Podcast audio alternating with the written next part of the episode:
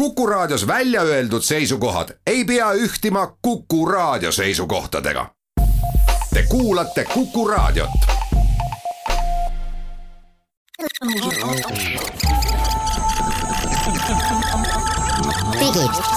digitund, digitund. digitunni tulevikulahendused ja 5G toob sinuni Telia tere hommikupoolikut, head kuulajad. käes on üheksas august ja teiega on nüüd järgneva tunnikese jooksul digitund. me räägime teiega tehnoloogiamaailma uudistest, teadetest, kommentaaridest, mõtetest, meie ettepanekutest ja kes meie oleme täna. täna oleme meie Hans Lõugas ja Henrik Roonemaa saatejuhid ja meil on täna üks külaline, meie kuldklient siin saates, meie põhikülaline Glen Pilvre kolmekesi me täna vaatame otsa sellistele teemadele nagu kõigepealt kogu Eesti valmistub tõestama, et nad on ennast vaktsineerinud. kuidas tehnoloogia saaks seda aidata teha, kas me näitame PDF-e või on mõni muu parem lahendus selleks? meil on järjekordne põhjus küsida, kas kaks tuhat kakskümmend üks on lõpuks see aasta, kui Google Pixeli telefonid, väikse, juba saate vihje. kas on lõpuks see aasta, kui Google Pixeli telefonid val vallutavad maailma? Mis ilm väljas on, selleks, selle küsimusele vastamiseks on palju äppe, aga nüüd on üks täitsa Eesti enda äpp selleks ja räägime sellest ja mõnest äpist veel. jah, jätkame ka teemat selles osas, kuidas siis, millise äpiga tõestada, et sa oled koroona vast suhtes enam-vähem ohutu, kas vaktsineeritud või läbi põdenud uued nutikellad on välja tulnud ühelt suurelt tootjalt, vaatame peale, mis on neis head ja mis on halb. ja saate lõpuks, ma arvan, jõuame anda ka ostuhoiatuse, aga sellest kõigest saate jooksul. digitund, digitund no nii, lükkame siis saate veerema Digitunni teemadega ja võtame kõigepealt ette kõige praktilisema, kuumema, kasulikuma, tähtsama teema, vaktsineerimine Äh, mitte sellest, kas tuleb vaktsineerida või ei, seda teate vastust kindlasti, mis me teile ütleme, aga kuidas siis ikkagi tõestada seda, et te olete vaktsineeritud, mis muutub üha olulisemaks nüüd minnes rahvarohketele üritustele. ja eelkõige küsimus selles, et kas on ainuke võimalus siis kasutada sellist äh, PDF-i mis on võimalik igal vaktsineeritul saada digi, digiloo portaalist või ka näiteks mingit muud lahendust. ja, ja eelmisel nädalal räägiti sellest, et põhimõtteliselt saaks kasutada selleks ka ID-kaarti. Esiteks ma tahan kohe kõigile öelda, äkki tuleb kõigil, kellelgi mõte, et äh, ma näitan oma isikukoodi ja selle järgi kontrollitakse, kas ma olen vaktsineeritud või ei see võib korraks tunduda väga hea mõte, aga, aga probleem on vist selles, et siis ma saaksin iga, isikukood on avalik asi, siis ma saaksin igaühe puhul hakata kontrollima, et kuule, kas sa ikka oled vaktsineeritud ja, ja see võib-olla ei ole päris hea mõte. aga mis teie arvate, kas, ähm, kas see praegune PDF-i lahendus ähm, on, on see, mis on kõige parem või, või no,? selle me matsime juba eelmises saates maha on ju, et see, mis on, küsimus on vastatud. Okay.. see on huvitav muide, see ID-kaardi asi. Et, et kui, kui me ütleme, et mingisugune e-teenus hakkab toimima ID-kaardiga, siis noh, me mõtleme, eks ole, tavaliselt seda, et, et võtad oma ID-kaardi, lähed, pistad sinna lugejasse ükskõik, kas noh, apteegist näiteks rohtu välja ostes käib ju see ka samamoodi või, või kuskil, kus ta kliendikaardina on kasutusel, et, et me noh, võiks arvata, et see käib samamoodi. aga tegelikult tuleb välja, et ei, vaid Riigi Infosüsteemi Amet ütleb, et nad on vahetanud mõtteid ja igasuguseid variante on Äh, variant A on see, et, et kaks tuhat kaheksateist aasta lõpust väljastatud ID-kaartidel on tagaküljel QR kood mida mina ausalt öeldes ei olegi märganud, kas sul on Andres, ma näen kaart käes. ma just vaatasin, on, on. on või? mina läksin kohe spetsiaalselt guugeldama, sest mul on veel natuke vanem kaart ja tõesti, seal on QR kood no,. aga ma, ma juba kohe segan vahele kohe, et ma ei saa üldse tegelikult ikkagi hästi aru, et, et lugedes ka siin kõik need jutud läbi ma saan aru, et siin on põhiline probleem on justkui mingisugune õiguslik probleem, et see, see kõik tundubki ju tehniliselt eh, noh, nii teostatav, kui üldse saab olla, et kui me läheme täna kuskile ükskõik kuhu tõesti sööma ja tõmbame oma ID-kaardi läbi kui kliendikaardi sealt lugejast või, või näitame koodi või mida iganes, siis annab selle ju absoluutselt siduda mis iganes infoga, olgu selleks minu vaktsineerimistõend, ma ei tea, minu vererõhk või, või, või mis tahes info. et, et seal ei ole üldse küsimust. see on. Äh, no just ja, ja sa puudutad ka õiget teemat, et küsimus on see, et noh, ma võiksin sinu, Glen, isikukoodi sisse lüües vaadata, kas sa oled vaktsineeritud või ei aga muidugi, sellisel juhul puudub sinu nõusolek täpselt, kas sa lubad seda teha ja küsimus on, kuidas seda seal ukse peal teha niimoodi, et jääks juriidiliselt vettpidav jälg maha, et sa oled nõusoleku andnud. no, no jaa, aga eks see natuke sama küsimus, et kui ma lähen pannkooki ostma, siis ma võiks ka öelda, et ma olen seal vanaema ID-kaardiga on ju, et. et noh, alati ju jääb nagu mõnes mõttes see õhku, et kui, kui rangelt me ikka kontrollime, et mina olen minu ID-kaardi pannud sinna lugejasse või, või näitan seda, eks. jah, see on omaette küsimus mul veel tekkis, et mis seal QR koodis sees on, QR kood teatavasti no. on ju igalühel niimoodi noh, täiesti vabalt loetav, et mis info seal sisaldub et äh, kas need on, kas noh, et kas seal on sees mingi info, mida ma saan hakata lihtsalt asendama kuskil mingeid numbreid ja tähti. noh, et kontrollida, võtan lihtsalt järgmise ID-kaardi ja järgmise ja istun arvuti taga on ju ja vaatan või kas seal näiteks on inimese isikukood sees või. et, et, et seda poolt ma ei tea, aga, aga mis on, ma arvan mõneti isegi probleemne kogu selle digitaalse kontrollimise puhul võib-olla, on äh, ikkagi internetiühenduse vajadus eks, et äh, kui ma lasen äh, kümme inimest äh, kuhugi saali, siis ma saan seda teha. aga kas me loeme QR-i Apple Walletist, paberilt ma ei tea, ID-kaardi pealt või noh, kust iganes, see kontroll on kõik online. ja noh, võib juhtuda, et kuskil kohtades see tekitab Eestis probleeme, et, et kas see nii-öelda internetiühenduse kvaliteet on ja, ja, ja jätkuvus on piisav, on ju, et ta saab kogu aeg käia. noh, et sa näiteks piiksutad sada viiskümmend inimest kinosaali ja see kõik käib piisavalt kiiresti aga.... kuule, ma just piiksutasin oma seda QR koodi seal ID-kaardil praegu selle jutu taustal mm. -hmm. sain teada, et see on Eesti Vabariigi dokument ja see on kehtiv. ja kõik või?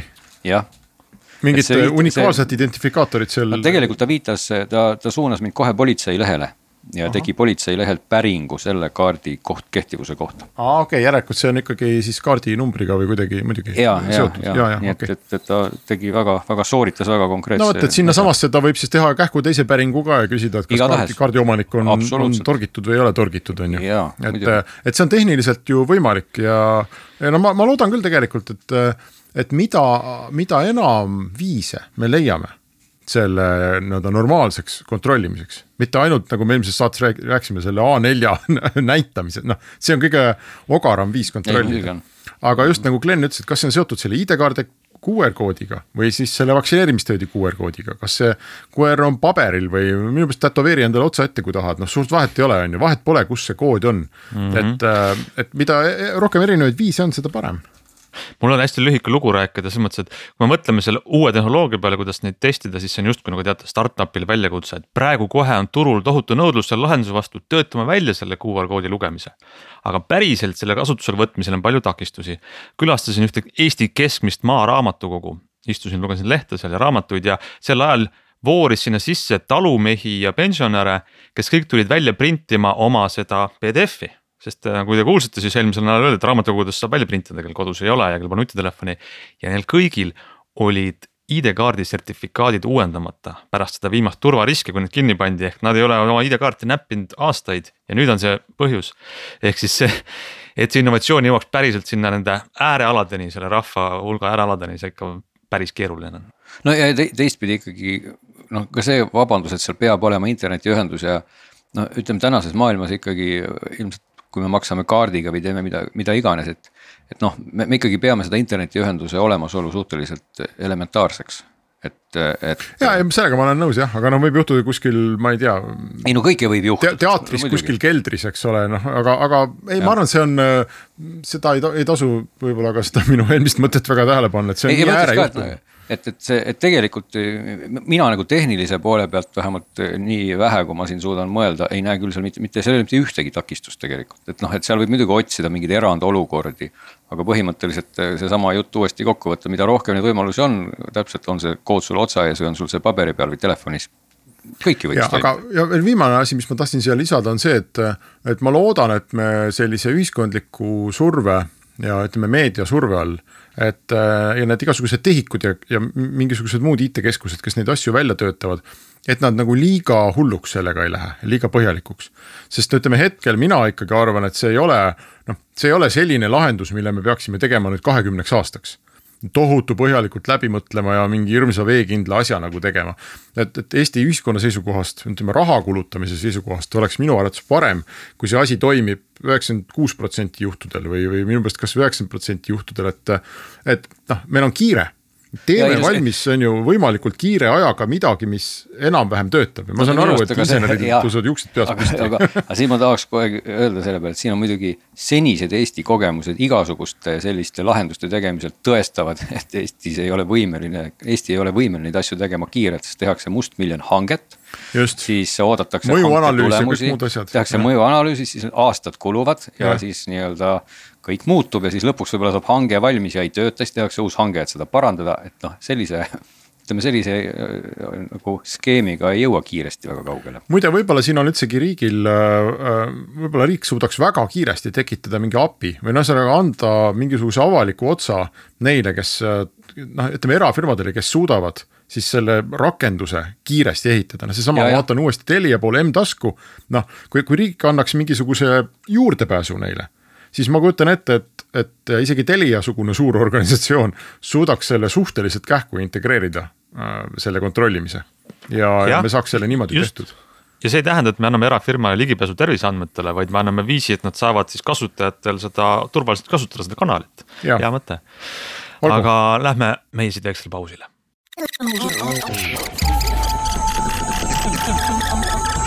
digid, digid digitund. digitund. digitunni tulevikulahendused ja 5G toob sinuni Telia. digitund läheb edasi ja räägime nüüd ka võib-olla mõnest seadmest, mõnest uuest telefonist, mis on äh, lootust meil varsti näha. Äh, täna on üheksas august, sellel nädala keskel on vist välja kuulutatud, et peaks tulema välja Samsungi uusi seadmeid, nagu on teada, et äh, iga august neil tuleb Note seeriast midagi eks me siis järgmises saates saame pikemalt rääkida. aga eelmisel nädalal tegi huvitava sellise mm,, mis siis, kuidas öelda selle kohta nagu õrritas äh, Google oma uue Pixeli telefoni detailide osas. ja eelkõige siis nad äh, detailsemalt kirjutasid oma uuest masinõppekiibist, mis saab olema sügisel välja tuleva Google Pixel kuus ja kuus Pro telefonide sees ja see peaks olema siis game changer või täiesti oluliselt võimsam ja targem ja nutikam, mida see telefon suudab siis ise õppides teha jah, see põhiline on, mida nad seal nüüd siis lubavad, eks ole, lubavad kahte asja esiteks nad lubavad, et nagu Apple on ka nemad nüüd teinud oma protsessori, mille nimi on Tensor. ja mingi turvakiip on sees ja see kokku võimaldab igasugu huvitavaid asju. Äh, ehk äh, masinõpe, machine learning, tehisintellekt Eh, fotod ja mis on Pixeli puhul oluline, videod peaksid minema palju paremaks, et see kvaliteet, mida see telefon suudab teha. sest videote kvaliteet on, on olnud Google'i, ma arvan, kõigil Androidi telefonidel selline komistuskivi võrreldes iPhone idega. aga eriti Google'i enda telefonidel, foto, fotodes on muide Pixel, ma arvan, pigem iPhone'ist ees olnud. no saab näha, aga teine asi, mida nad seal lubavad, mis on huvitav, ma ei tea, mis Glen selle kohta arvab, aga, aga et noh nad, nad kuidagi ütlevad, et vot nüüd me oleme selle pikseli teema tõsiselt käsile võtnud. et nüüd, nüüd on siis nagu see aasta, kui me teeme tõesti hea telefoni ja turundame seda ja oleme väga agressiivsed sellega, et, et sellest saaks tõesti nagu populaarne toode.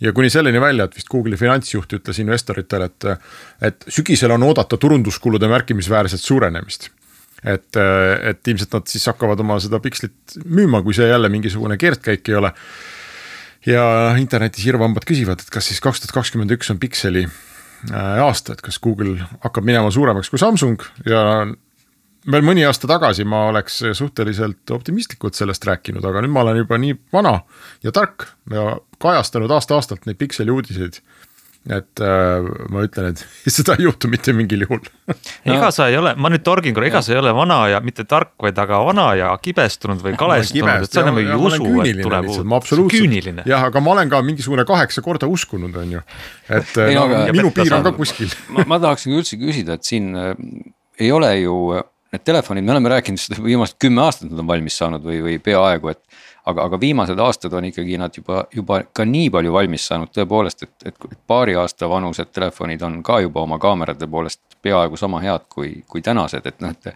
et Google on siin, kui ma nüüd vaatan neid, mis nad teinud on, siis tõepoolest Pixel kuue puhul on nüüd sinna lõpuks siis pannud neljakordse optilise zoom'i nad on tõesti seda kaamera poolt nüüd nagu tundub ka tehnilises mõttes kõvasti üritanud boost ida, räägivad siin parematest sensoritest ja saja viiekümnest protsendist rohkemast valgusest ja. et kõik see, see pool, mis nagu seni on ikka olnud natuke noh, kaamerate tehnilise poole pealt jäänud maha, et nad seda kindlasti tahavad järgi tulla ja protsessori kohta ma vaatan muidugi, et see see ai jutt, et, et see on selline nagu natuke sihuke fifty-sixty jutt, et kellele meeldib ja kellele mitte, et see tehisintellekt siis üritab aru saada, et ma pildistan last ja siis ta teab, et kui minu laps on isegi udune. siis ta võtab andmebaasist mingi terava lapse ja joonistab siis minu lapse ka teravaks, sest ta teab, et see on laps, eks ole, et ilmselt kõik lapsed on suhteliselt ühte nägu ja ja need on suhteliselt lihtne teravustada, et või siis, kui ta, ma pildistan mingit päikeseloojangut ja see parajasti ei ole väga ilus, siis telefon teeb selle väga ilusaks, sest ta ilmselt teab väga hästi, milline peab välja nägema üks ilus päikeseloojang.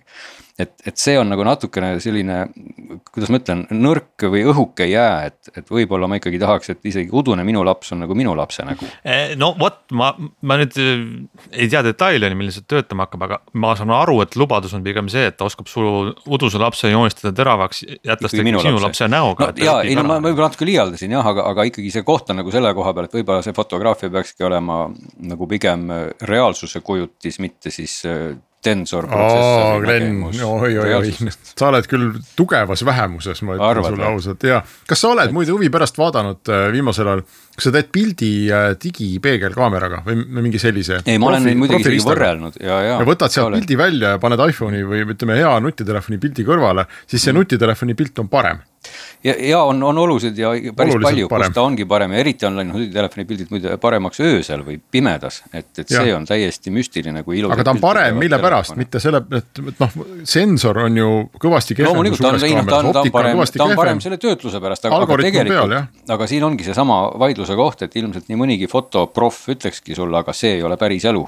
Ei ole, aga siis sa vaatad oma neid kahvatuid halle pilte ja, ja, ja pead igaühe kuskil Lightroomis lahti võtma ja käsitsi kurvi korrigeerima. aga ma ütleks, et kusagil jookseb nagu see piir lihtsalt, et, et ikkagi, et see piir peab olemagi selle koha peal, et telefon ei tee päris nagu ööd päevaks, mida ka paljud telefonid tänapäeval juba teevad eks veel seal, mis seal veel lisaks on peale fotograafia on see, et see masinõppe kiip telefonis võib aidata sul ära tunda ümbritsevast maailmast teksti, pilte, kui sa, ma ei tea, kasvõi videos filmid midagi mille peal on, ma ei tea, nimi, bränd, logo, siis sa saad kohe selle kohta otsingu tulemusi, et see on nagu see pildituvastus seal. eks me siis näe sügisel. ei, me seda näeme, muidugi ma tahaks ka siinkohal öelda, et võib-olla Samsung vaatab siin nagu natuke sellelt rajalt kõrvale, kui me sellest saame tulevikus rääkida, mis ei ole ka võib-olla üldse.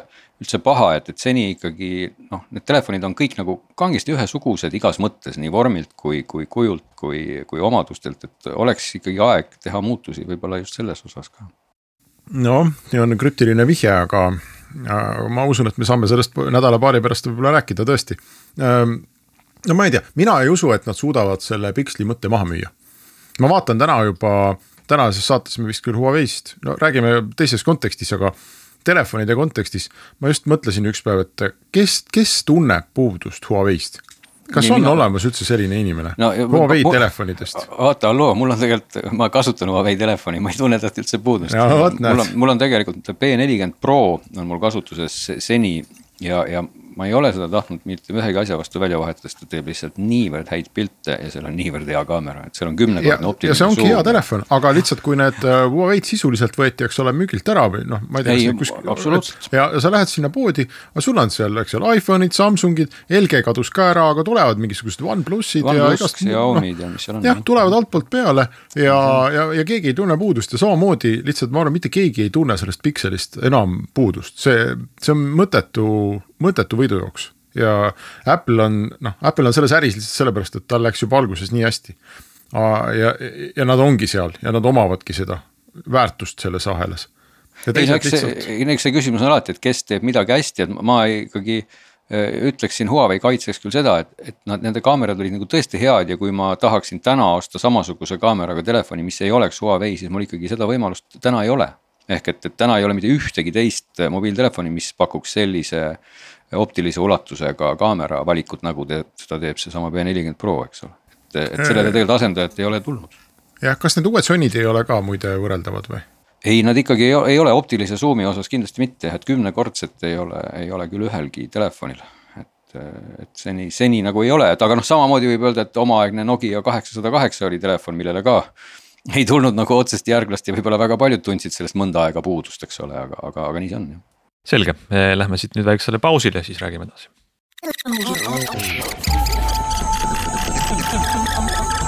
digitund,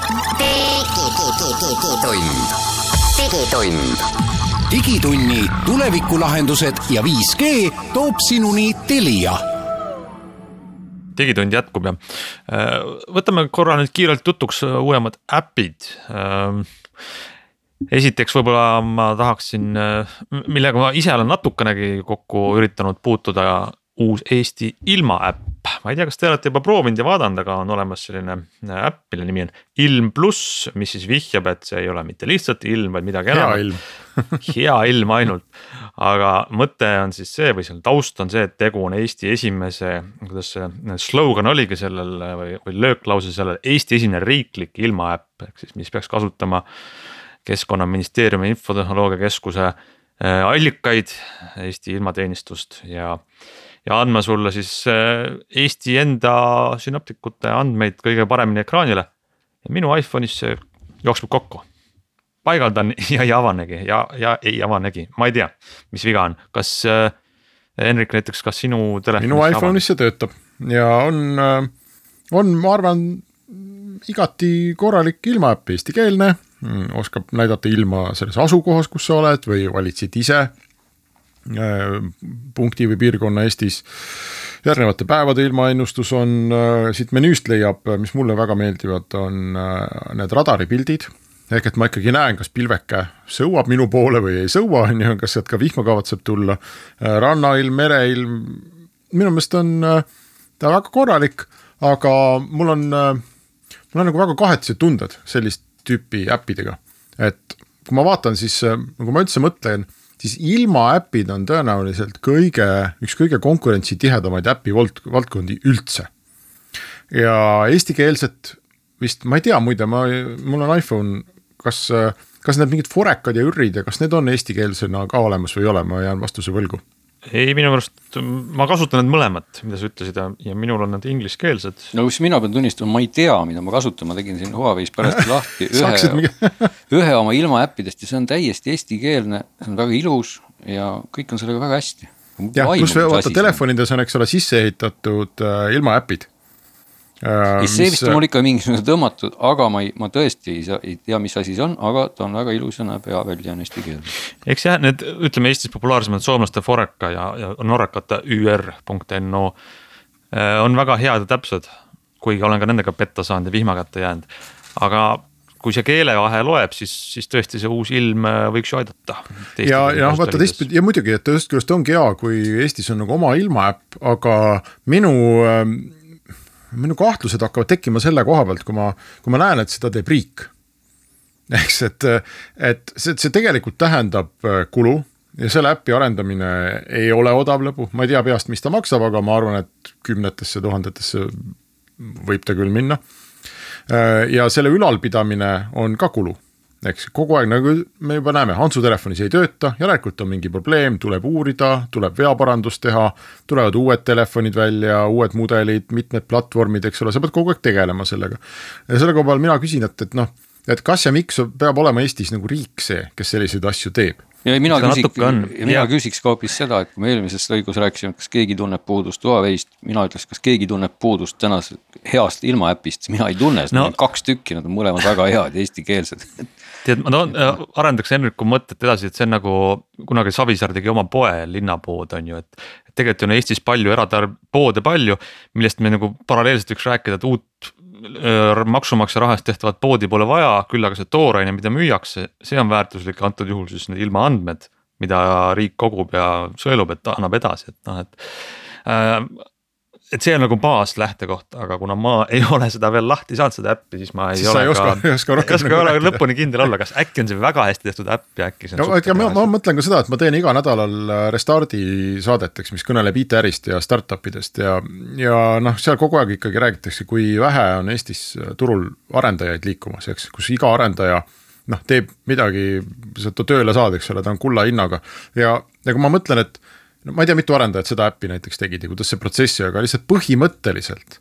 mulle tundub nagu sellises olukorras, kui riik äh, võtab nii-öelda turult arendajaid ära tegema ilma äppi, mis ei ole noh, ühiskondlikust seisukohast minu arvates nii kohutavalt oluline, sest Glenil on juba kaks tükki ja. jaa, väga ilus. noh, et, et siis ma kodanikuna nagu mõtlen, et aga et äkki need arendajad, kes tegid seda riigi raha eest ilma äppi, mis on tegelikult tore äpp, äkki nad oleks võinud teha midagi muud ja, ja eksportida, ma ei tea, Nortali või, või Transferwise'i või kelle iganes, eks ole, kõhus oma selle toote ja, ja kogu ühiskond oleks rikkamaks saanud, et noh, see, mul on sellised nagu küsimused pigem Äh, selge, kas me räägime veel äppidest või? Äh? teeme äpiploki, räägime äppidest ja ma, mulle jäi ette äh, uudis, mis ei ole nüüd küll eelmise nädala uudis, et juba mõnda aega on olemas Navi rakendus nimega Amigo.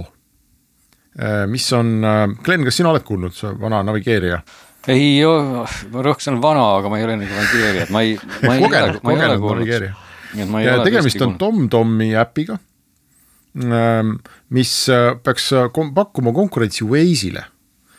ja, ja lubadus on siis umbes see, et me ei jaga, noh, me ei müü sinu privaatsust naha ja karvadega kuhugi maha aga ta ei ole nagu tavaline navi äpp, vaid ta on just selline tark navi äpp, kus siis äh, sa sõidad, eks ole, saad ka teatada teistele, et mis siis tee peal toimub. kuskil on, kas on mingid teetööd ja kõiksugused sellised asjad. ja siis TomTom ütleb, et aga, et erinevalt Waze'ist me ei lase kogu seda jura automaatselt kasutajateni, vaid umbes verifitseerime seda ja selle koha pealt, et kui keegi näeb, et hakatakse seda Amigot haipima, et siis see on mul järjekordne nagu küsimus, et kes tunneb puudust noh, veel ühest Navi äpist, mis oleks ka veel platvorm.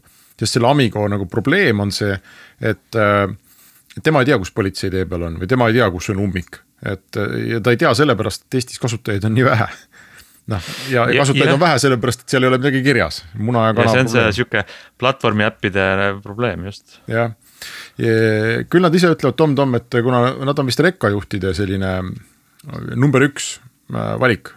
Et siis neil on alati palju, palju nagu silmapaare mööda teed ringi sõitmas ja no midagi seal nagu on. no ma saan aru üleüldse, et kogu see Tom-Tomi ja nende, kuidas ma ütlen, selliste navisauruste tänase, tänane argument on üldse see, et neil, neil on võib-olla siis selline offline kaardidata või andmed, mis, mis on siis igal pool võib-olla natuke täpsemad ja paremad kui selline online kaardindus aga, aga ma ei näe seal küll ühte, ühtegi muud põhjust, miks üldse peaks keegi täna kasutama Karmini või Tom-Tomi no, asju või. Muide, rääkides äh, samast teemast nüüd silmatäpi puhul, kas Eesti riik peaks tegema oma ilma äh, navigatsiooniäpi, meil on tark tee mingisugune rakendus näiteks on ju portaal vastupidi, siin on väga hea vastupidine näide. sa andsid küll mõtte kellelegi. ei, kuula, vastupidi, siin on väga hea vastupidine näide, kuna äh, Waze'is ilmuvad äh, selle transpordiameti need teated tänu API-le ehk siis riik ei tee mitte ise äppi, vaid annab selle info välja ja see on väga hea lahendus ja minu arust väga hästi töötab, et.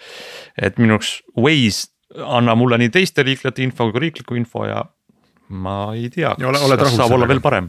no me mäletame omal ajal, kui Waze tegelikult tuli, oli täpselt seesama probleem, Waze ju ei olnud, tuli ju ka suhteliselt mm -hmm. väikese tegijana ja kõik siin natuke viskasid äh, nalja selle kohta, kuidas teid ju ei olnud ja teed tekkisid koos sõitjatega ja. ja aga näed, aga näed, jah töötas küll lõpuks. ei, ta ikkagi töötas, kuniks siis Võttis Google, Google lõpuks ka oma suure rahaka õla sinna alla pani ja siis oli, siis ongi nagu ta nüüd täna juba on, eks ole. aga Waze ikkagi äh, üle Euroopa, kus mina olen sõitnud, Waze teab, mis tee peal toimub. seal, sinna ei ole küll midagi, ühtegi halba sõna öelda, et üldiselt ikka väga hästi teab.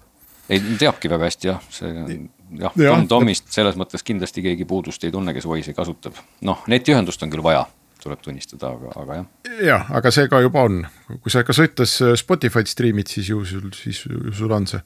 aga paar äpi soovitust siia veel mm,, kirjutas meile üks kuulaja ja ütles, et Androidil Covid tõendi ettenäitamiseks väga hea äpp Green, Greenpass ähm,. Slovakkia või ta ütles Slovakkia või muu selline riik on selle teinud, ühesõnaga Greenpass on Sloveenia Sloveenia äpp ja, ja tegelikult täitsa toimib.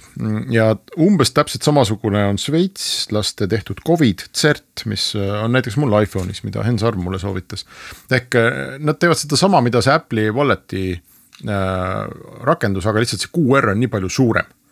et äh, ta teoreetiliselt vähemasti on loetav, vot. head vihjed. head vihjed jah, aga me lähme siit pausile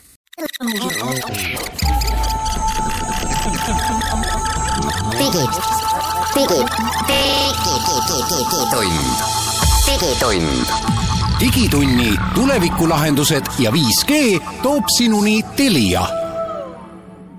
digitund läheb edasi ja me jõuame veel saate lõpus rääkida veel äh, mõnest uuest seadmest, Glen, kas sinu käerandmed on rasked no, uuest tehnoloogiast? Huawei tehnoloogia ei jäta mind hetkekski maha ja nüüd on nad rünnanud mind äh, uute, uute kellade näol. et, et seni, seni tõepoolest olid Huawei kellad just nimelt need nutikellad, mis teadupärast ju pidasid vastu erakordselt kaua, aku oli seal kaks nädalat ja ja olid sealjuures väga hea hinnaga, makstes äh, vähem kui kolmsada eurot seal. täna on saadaval nüüd vist kahesaja kolme neljakümnega lausa see eelmine tippmudel. ja, ja üldse nägid väga ilusad välja, seal olid safiir ja, ja titaan ja keraamika ja ühesõnaga kõik oli tegelikult nendega väga hästi, välja arvatud siis see, mis jäi siis enamasti küll testijatele ja kritiseerijatele ette, et nad ei olnud nagu täisväärtuslikud nutikellad, et seal oli selline Huawei enda nii-öelda kergekujuline opsüsteem ja, ja, ja võis neid siis pahatahtlikult nimetada ka selliseks nutikamaks sporditrackeriks. aga nüüd siis Huawei äh, tegi äh, kolmesaja kuuekümne kraadise uuenduse või ütleme isegi saja kaheksakümne kraadise. Aa, suur vahe. tõi siis välja lõpuks äh, nüüd täiesti uue kella seeria nimega, nimega numbriga kolm milles siis tiksub nende enda täisväärtuslik opsüsteem, mis võiks ka asendada muide Androidi, see on siis Harmony OS ja, ja Harmony OS siis tähendab seda, et see kell on nüüd, uus kell on muutunud siis nüüd täiesti iseseisvaks nutiseadmeks ehk täiesti samasuguseks nagu siis kõik konkurentide nutikellad, et seal on eSIM-i tugi, seal on wifi. Seal on siis äppide laadimisvõimalus, noh, põhimõtteliselt ongi väike Android seade sul käe peal, nii et. et nüüd on siis astutud sellisesse täisväärtuslikku nutikella ajastusse, aga seoses sellega loomulikult on ära kadunud imepärane kahenädalane aku vastupidavus. ja sinna ma tahtsin just küsida sama küsimuse. et, et küll aga tuleb öelda Huawei kiituseks, et siiski selles, neid kellasid on täna nüüd kaks, mida nad esitlesid, kolm ja kolm Pro. Et kell nimega kolm Pro sisaldab küll väga-väga mahukad akut oma mõõtude kohta, ta ei ole väga palju läinud suuremaks kui eelmine, no natuke on kobakam, aga seal sees on ligi kaheksasaja milliampertunnine aku, et konkurentide kelladel enamasti need akud jäävad peaaegu kaks korda väiksemasse mahukategooriasse. ja, ja, ja tegelikult peab siis see, see suurem kell vastu, ütleme neli-viis päeva, et see neli-viis päeva. noh, ongi nüüd kustpoolt vaadata, et kui sa tuled Apple'i ja Samsungi poolt, siis on see palju. Aga no see on ikka super jah. aga kui sa tuled selle, selle nii-öelda vana hea Huawei kella poolt, siis on seda kohe väga vähe. et, et väga suur vahe on kahel nädalal või neljal päeval ja, ja seal on ka nagu muid muudatusi, ütleme, kui vana Huawei kell oli kenasti eestikeelne ja, ja kuidagi väga-väga kasutajasõbralik, ma ei hakka siin kõiki neid detaile ilmselt ette lugema, selleks eraldi saadet vaja. et see Harmony OS-iga kell on nagu, nagu natuke toores siit-sealt, ta on ainult inglise keelega. ta oli pea see aku võrreldes sellega vastu, ehk et, et, et minu probleem ongi see, et ma olen olnud selle eelmise Huawei kella kasutaja ja, ja uus mulle võrreldes eelmisega kohe üldse ei meeldi. aga kui ma vaataks seda täpselt selle Samsungi või Apple'i kella poolt, siis ei saa tegelikult nagu väga halba sõna öelda, sest et. et see kell teeb endiselt väga palju, nüüd ta ka kukkumist tuvastab nagu Apple'i kell, eks ole noh, nagu ma ütlesin, äppe saab laadida, mõõdab ta nüüd nahatemperatuuri ja loomulikult on seal mingi üle saja sportimisvõimalus, nii et. nii et tegelikult on äge nutikell, aga ta on läinud ka kõvasti kallimaks, et maksab. vot ma tahtsingi küsida, et mis siis nagu hinnaklass teeb? no hinnaklass ongi täpselt nagu konkurendid, et, et suurem kell maksab nelisada viiskümmend eurot ja, ja siis kaks korda väiksema akuga kell, mis on siis lihtsalt Watch kolm, maksab siis eh, euro alla neljasaja. et peaaegu kahekordne, noh, ütleme pooleteistkordne hinnatõus võrreldes eelmistega nii et, nii et see kõik kokku natuke ongi sihuke segane, et mul on nagu väga segased tunded, et, et Huawei'l on olnud väga rasked valikud, et nad on üritanud teha siis oma sellest väga heast nutikast spordikellast nagu päris nutikella. aga, aga vaata füüsikaseadlaste vastu ikka ei saa, et aku ei pea enam nii kaua vastu, kell on läinud palju kallimaks, natuke suuremaks, nii et. et kokkuvõte on see, et kui seda e-SIM-i sul vaja ei ole ja sellist üliäpindust kellas, et, et siis noh, iga kell võiks minna täna osta selle vana kella, mis, mis Huawei endiselt pakub, see on siis Watch kaks vist GT Pro pealt kahesaja euro. see on endiselt väga-väga-väga hea kell, aga tõesti, sellega ei saa helistada, nagu siis nüüd uue kellaga saab, et. et see helistamine töötab täna Elisa võrgus, et mujal ta veel ei tööta, aga, aga võib-olla hakkab ta mujal siis ka töötama, noh see e-SIM-i aktiveerimine see on muide, Glen, ma tahtsin küsida, sina oled nende kelladega rohkem kokku puutunud, ma ostsin pool aastat tagasi millalgi, oli vaja uut nutikella ja, ja proovida, et mis nad siis on, on ju. ja, ja mõtlesin tükk aega Apple Watchi peale, sest iPhone'i kasutaja. ja mind kohutas ära ikkagi see, et ma pean iga õhtu või iga päev tõenäoliselt teda laadima mm. -hmm. mul ja, ei ole sellist. võin no, öelda, lae iga päev. ei no, no. ja, ja ühe korra ei lae, siis on sul kutuasi käe peal. jah ja, ja siis ma ostsin Fitbiti, Fitbit vist, mis ta on, Sense või, mm, mis äh, peab seesama neli-viis päeva, mis praegu sina selle Huawei kohta ütled. ja noh, ütleme sellega ma võin rahul olla, kord nädalas mul on meeles teda laadida iga päev ma absoluutselt ei viitsiks. kaks nädalat oleks nagu väga hea, aga ma samas ei saa ikkagi päris täpselt aru, mida mõeldakse termini täisväärtuslik nutikell. no ma, ma arvan, et, ma arvan, et seda, seda just mõeldaksegi, et esiteks e-SIM esiteks seda, et see kell oleks nagu iseseisev seade ka mobiilina, kui sul telefon jääb koju. ja siis teiseks selline opsüsteem, mis ikkagi võimaldab vabalt sinna äppe laadida. noh, nagu, nagu, nagu täisväärtuslik nutiseade on aga mis äppe, ma, mina ei saagi kasutajana nagu aru, et ma, kas jaa, minu nõudmised on imelikud ma, või, või on need testijad imelikud, kes virisevad, et oh, see pole mingi nutikell. ma arvan, et testijad on imelikud, sest et, sest mina ka selle üle ei viriseks, et, et ma ka ei saa aru, miks ma tahaks telefoni mingi mustmiljonit äppi, et, et minu nagu vaade nutikellel on pigem see, et see sama Huawei eelmine kell teeb seda väga hästi. ta on piisavalt nutikas, tal peab aku kaua vastu, piisavalt nutikas on minu jaoks see, et ma saan kellaga rääkida ma saan kella pealt oma teavitusi vaadata, ta track ib minu terviseandmeid, ma võin vaadata, et ma öösel ei maga piisavalt või ei jaluta piisavalt, ta teeb kõike seda. ja ta teeb seda ilmselt rohkem, kui ma tahaks, selles mõttes, et seda võimalust on seal väga-väga palju. ja, ja, ja just see, see, see rääkimise pool ja ta näitab mulle kenasti kogu aeg aega, mulle meeldib see, et need osutid on kogu aeg nähtaval et ei ole niimoodi, et, et ta on tume ja siis ma pean kätt raputama, et ta, et ta on kogu aeg näha ja, ja, ja need, need väiksed asjad nagu muudavadki ta ägedaks, et mina ei tunne seal ka mingisugust puudust e-SIM-ist ega ka nendest äppidest, aga, aga see on see pool, mis on täisväärtuslik. no täisväärtuslikuks teeb kolmanda osapoole rakendused ja teil on hea küsimus, mis Seda need küll. siis on, siis äh, ma vastan teile. et sa ei oleks sunnitud kasutama nagu äh, muusika ja podcast'i äppe, mis on tootja omad. mina, mina vahele... kasutan äh, Spotify Overcast, et ma ei peaks valima siis selle kella tootja enda mingisugust. ja ma võin kohe muidugi vahele segada, et kas see on ju see koht, kus ikkagi Huawei'l ei ole asjad hästi, sest Harmony OS ei ole Android. ja mm., ja, ja ikkagi noh, kui sa täna ostad Huawei kella, siis ei ole sul seal Android Wear'i, mis on selline ütleme siis Androidi poolne kellade opsüsteem.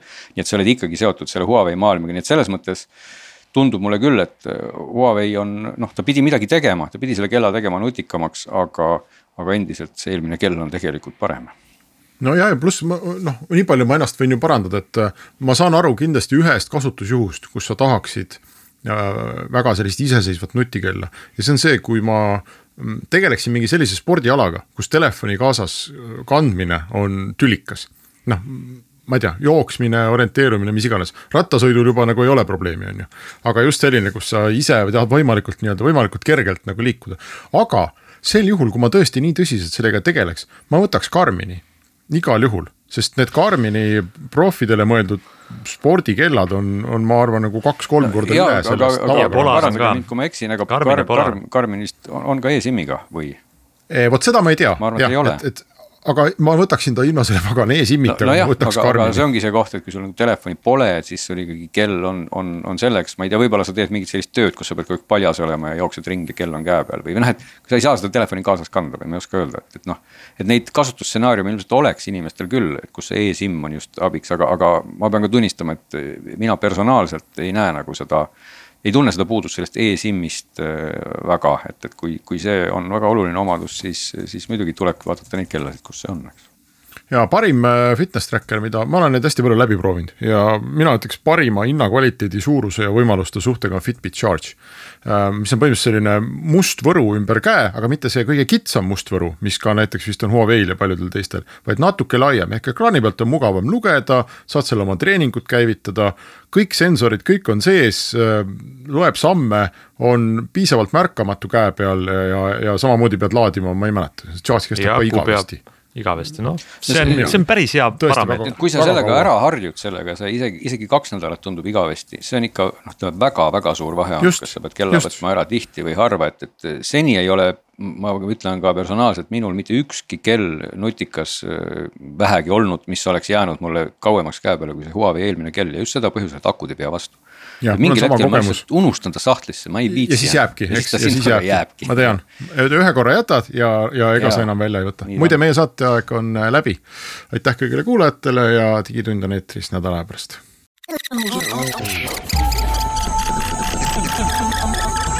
digi, digi, digitund, digitund digitunni tulevikulahendused ja 5G toob sinuni Telia